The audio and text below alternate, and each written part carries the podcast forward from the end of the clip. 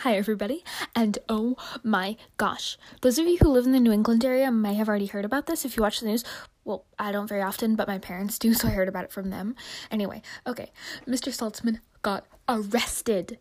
Arrested! I was going to try and find like a clip of it on YouTube and play it here, but it's against the law or something to do that without permission, and I didn't want to wait a week to email the news station and get a reply and stuff. But yeah, back to the story or whatever. So yeah, it was on the Boston News Channel yesterday, and they said that Arthur Saltzman has been on the lam since the 70s for stealing a bunch of gold from various houses across the country. Gold. Does that sound familiar?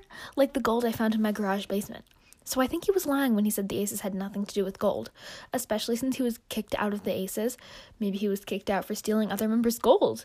Oh, and no word of lie. They showed Mr. Saltzman on the news getting walked into jail by a police officer.